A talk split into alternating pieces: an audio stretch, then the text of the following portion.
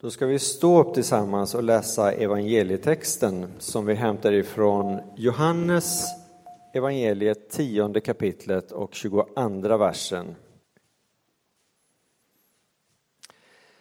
Nu inföll tempelinvigningsfesten i Jerusalem.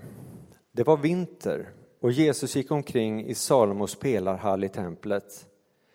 Då omringade judarna honom och sa hur länge ska du hålla oss i ovisshet? Om du är Messias så säg det öppet. Jesus svarade, jag har sagt er det. Men ni tror det inte. Gärningarna som jag gör i min faders namn vittnar om mig. Men ni tror det inte, därför att ni inte hör till mina får. Mina får lyssnar till min röst och jag känner dem och de följer mig. Jag ger dem evigt liv och de ska aldrig någonsin gå under och ingen ska rycka dem ur min hand. Vad min fader har gett mig är större än allt annat och ingen kan rycka det ur min faders hand. Jag och Fadern är ett. Så lyder det heliga evangeliet. Lovad vare du Kristus. Den gode herden. Jag skulle kunna gissa eller ana att en och annan just nu, när man hör den rubriken, låter tankarna börja vandra iväg. Semestern eller veckans arbete eller någonting annat. För det kan ju kanske låta lite slitet, lite klyschigt till och med. Har man vuxit upp i kyrkan så finns det kanske ibland en del saker man bara känner att detta är jag väl ändå mätt på att höra. Men jag skulle vilja säga och ta med dig, oavsett om du har vuxit upp i kyrkan eller om du är på gudstjänst för första gången i ditt liv någonting, några ord ifrån den här texten som ändå utgör någon form av koncentrat av kristet liv. Vers 27. Mina får lyssna till min röst. Jag känner dem och de följer mig. Mina barn lyssnar till min röst och de följer mig. Så kort så enkelt och kanske ändå inte. Jesu påstående andas en rörelse för våra liv. Där vi nämner i ordet efterföljelse. En rörelse som utmanar all form av tanke om att om jag bara når en viss kunskap, om jag bara hört evangelietexterna tillräckligt många gånger så finns det inte så mycket mer kvar att hämta. Här finns en rörelse för hela livet med en bestämd riktning. Och min fråga vill börja med, och som jag själv återkommer till. Vad får mig i rörelse i mitt liv? Vad är det som får mig att inte bli kvar och stanna detta räcker? Nu är det bra. Och kanske ännu viktigare fråga, vad får mig att behålla rörelsen efter ett antal år, decennium?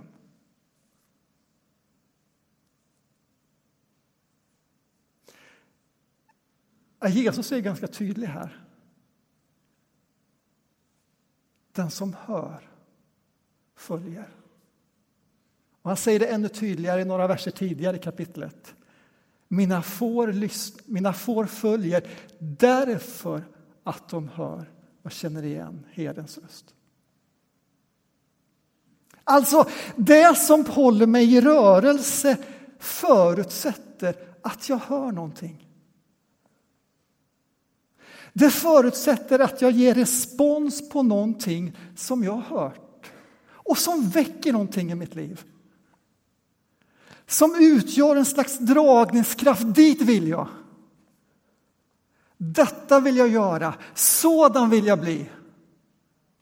Och det är riktning mot herden.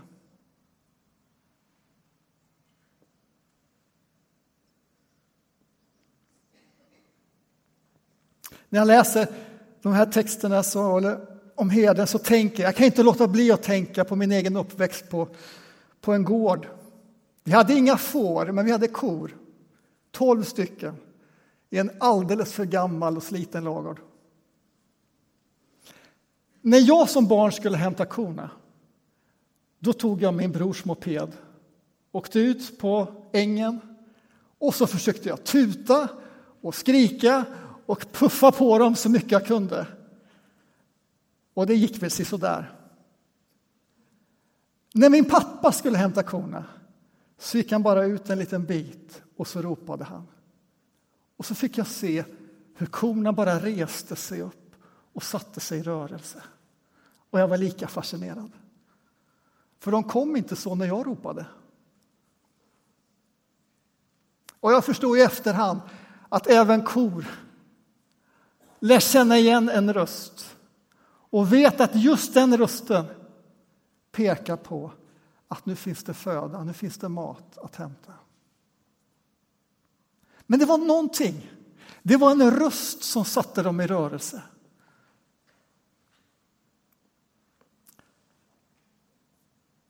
Och då blir frågan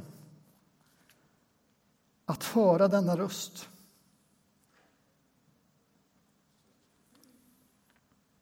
Den här rösten utgör en dragningskraft. Inte det där som jag försökte med korna. Nu borde, ni måste, pressande fram. Utan ett lockrop, en dragningskraft. Och den där dragningskraften uttrycks i Bibeln på många olika sätt. Kanske tydligast hos Johannes några kapitel tidigare. I kapitel 6 och vers 44.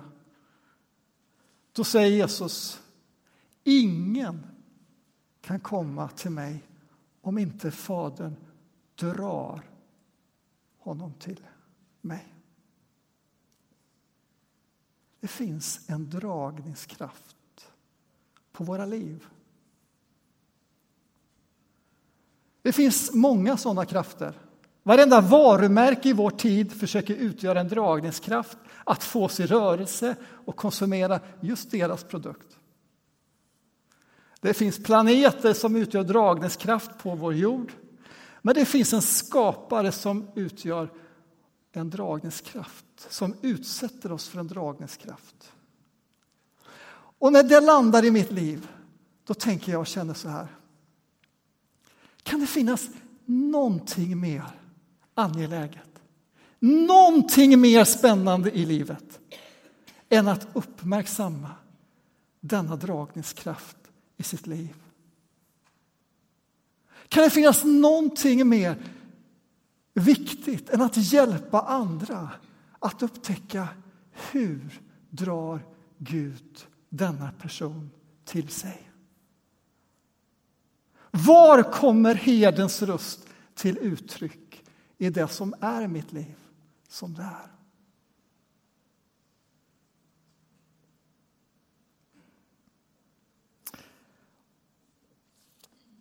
Och till de av oss som nu tycker, ja men Daniel, det där lät bra, men konkret. Hur uttrycks den här dragningskraften? Hur hör jag herdens röst, lockrop, rakt in i mitt ganska kaotiska liv? Ja, låt oss påminna oss om detta.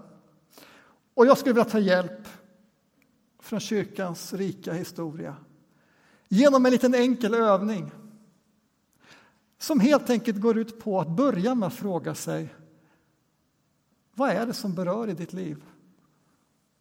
Vad är det som inte bara passerar från ena örat till andra i ett enda matande, utan som faktiskt går ner i hjärtat och rycker tag. Liksom som en post-it-lapp sätter sig fast där. Vad är det som berör? Det kan vara värt att börja med att uppmärksamma. Kanske till och med se som en inbjudan från denna fader. Tala med mig om det här. Stanna upp, tryck på pausknappen och det är detta som är utmanande. Därför att hela tiden kommer det nytt, nytt, nytt. Men utmaningen är tryck på pausknappen och vänd oss till Gud och samtala om detta. Om vi tar klassiska miljöer, gudstjänsten eller bibelläsningen eller naturen kanske. När jag kommer hem så är inte min fråga till min familj, kan ni återberätta min predikan? Jag tycker de är så jobbigt, pinsamt. Det är helt oväsentligt om du kommer ihåg min predikan. Däremot så är jag intresserad av, fanns det någonting i gudstjänsten som just berörde dig? Som på något sätt ryckte tag i dig? Och vad gjorde du med det? Var finns Guds dragningskraft i detta? Och vad är ditt och mitt gensvar till det? Men vi kan lämna gudstjänsten och röra oss in i vardagen. I veckan när jag såg på nyheterna och så kommer reportage i reportage. Och så mitt bland alla reportage så var ju ett viktigt budskap den här veckan att polarisarna håller på att smälta fortare än man någonsin. Återigen, det är bara lätt att bara fortsätta förbi till nästa eller kanske ta fram och sappa till nästa kanal. Men när man känner att åh, det där tog tag i en. Att då stanna upp och åtminstone få vända ett Herre, förbarma dig. Vart är vi på väg? Gud, vad kan vara mitt gensvar i detta? Vad kan vara din dragningskraft, din herderöst till en mänsklighet, till ett land, till en kultur mitt i denna nyhet? Här finns mycket att tala med Gud om. Kanske är du en person som snarare när du läser tidningen går till ekonomisidorna och tittar på vad är boräntan? Vad är börskursen? Att det är någonting som det tar tag i dig, det berör dig. Kan Gud utöva sin dragningskraft där? Kan herden uttala sin röst där? Mitt korta svar på det är att allt som vi vänder till Gud med kan han använda för att dra oss, för att höra så att vi får möjlighet att ge respons.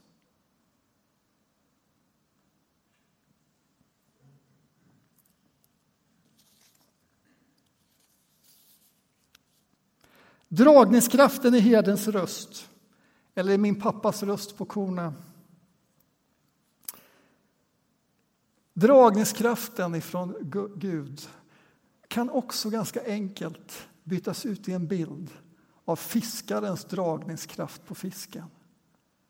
Samma ord som Johannes använder, Jesus använder att Fadern drar oss till Sonen använder han när lärjungarna drar upp fisken, när de fiskar.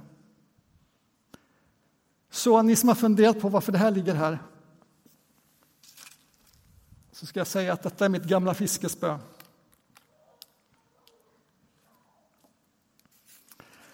Det är väldigt, ja det är ganska gammalt, men det är inte särskilt slitet. Av den enkla anledningen att jag en gång i mitt liv trodde att jag skulle tycka att det var roligt att fiska, att jag skulle bli en duktig fiskare. Men efter många försök och ingen fisk så tröttnade jag. Och nu kanske någon här längst fram som ser bra tänker att Daniel, det kanske beror på att ditt drag består av en klädnypa, vilket sällan ger så mycket fisk. Men det beror på att jag med tiden upptäckte att man kan använda metspöet till att fiska godispåsar i alla dessa barnkalas och fiskedammar som man har varit med om. I vilket fall som helst, Mårten, nu är det dags för dig att komma fram och hjälpa mig. Du får utgöra Jesus, eller Faderns dragningskraft utifrån det jag har talat om. Och då fäster jag denna nu i mitt liv, här. Så, om du drar mer så. Mitt i min vardag, med alla förpliktelser, med alla informationer, med alla uppdateringar så är jag övertygad om att herdens, fiskarens, faderns dragningskraft finns där. Och utmaningen är att stanna upp och se det som en inbjudan. Är det du? Vart för mig denna dragning? Vad är det för riktning? Vad är det du vill säga i detta? Och vad är det för respons jag ska ge? Och om jag gör det, det är då jag upptäcker någonting. Det är först då jag upptäcker någonting.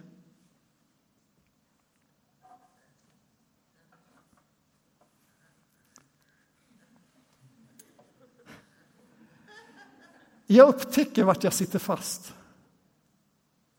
Så länge jag är kvar och bara tänker att det här är kunskap och information och så går jag vidare, då kan jag vara hur fast som helst, jag märker det inte. Men när jag vill ge respons på Faderns dragning, på herdens röst, då upptäcker jag, vänta lite grann nu, det är något som tar emot. Vi tar ett exempel i en gudstjänst. Och jag är i lovsången, i förkunnelsen. Det väcker någonting i mitt liv. Och jag vill liksom... Åh, jag vill ge mig respons till dig. Jag vill tacka och upphöja dig. Kanske liksom det bara drar i handen att få lyfta sin hand, ställa sig upp och göra en piruett. Men det är när jag ska ge respons på den som jag känner, nej men vänta Daniel, vad ska andra tänka och tycka? De kommer tycka att jag blir så andlig helt plötsligt. Och min vecka som har varit så kaotisk. Och så kanske det håller mig tillbaka.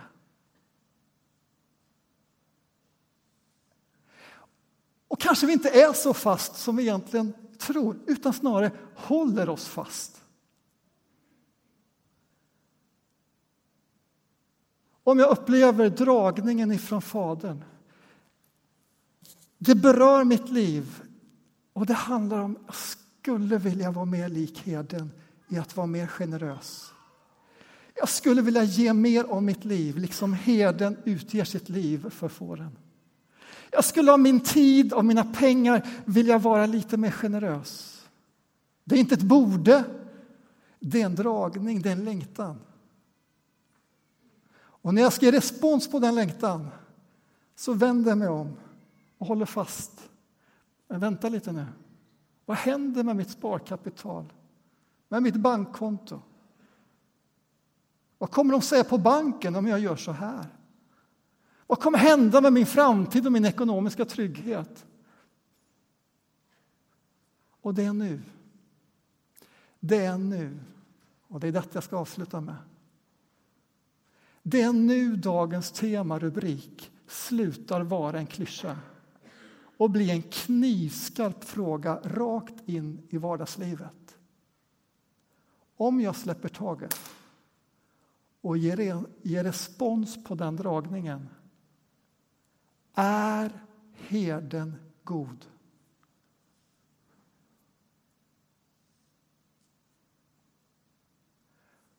Om jag släpper taget om det som är min trygghet kan jag lita på att hans dragning vill mig väl.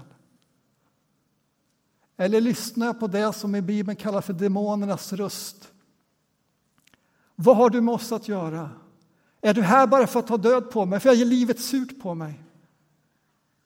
Eller finns det en godhet i denna dragning? Kanske också frågan om vad har jag för bilder och föreställningar om att hans dragning, hans godhet ska utöva på mitt liv. Vad ska det, hur, ska det, hur ser den godheten ut? Vad kommer att hända om jag har respons? Tack, Mårten.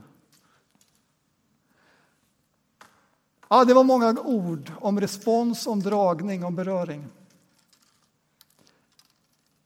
Och jag skulle vilja avsluta nu så här med att vi gör den här lilla enkla övningen. Någon kommer spela lite kort musik, ett par minuter. Och så får du möjlighet, och vi får möjlighet, att bara lyssna in. Vad i den här gudstjänsten hittills har berört mig? Eller vad i den sista veckan som har gått har berört mig? Eller påskhelgen, fastetiden. Du väljer perspektivet.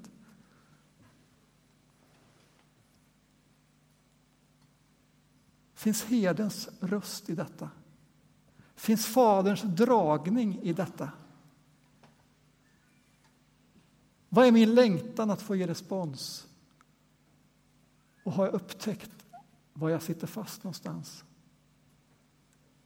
Ett par, tre minuter, så inte funderar vi över detta utan tyst talar med honom om detta. Amen.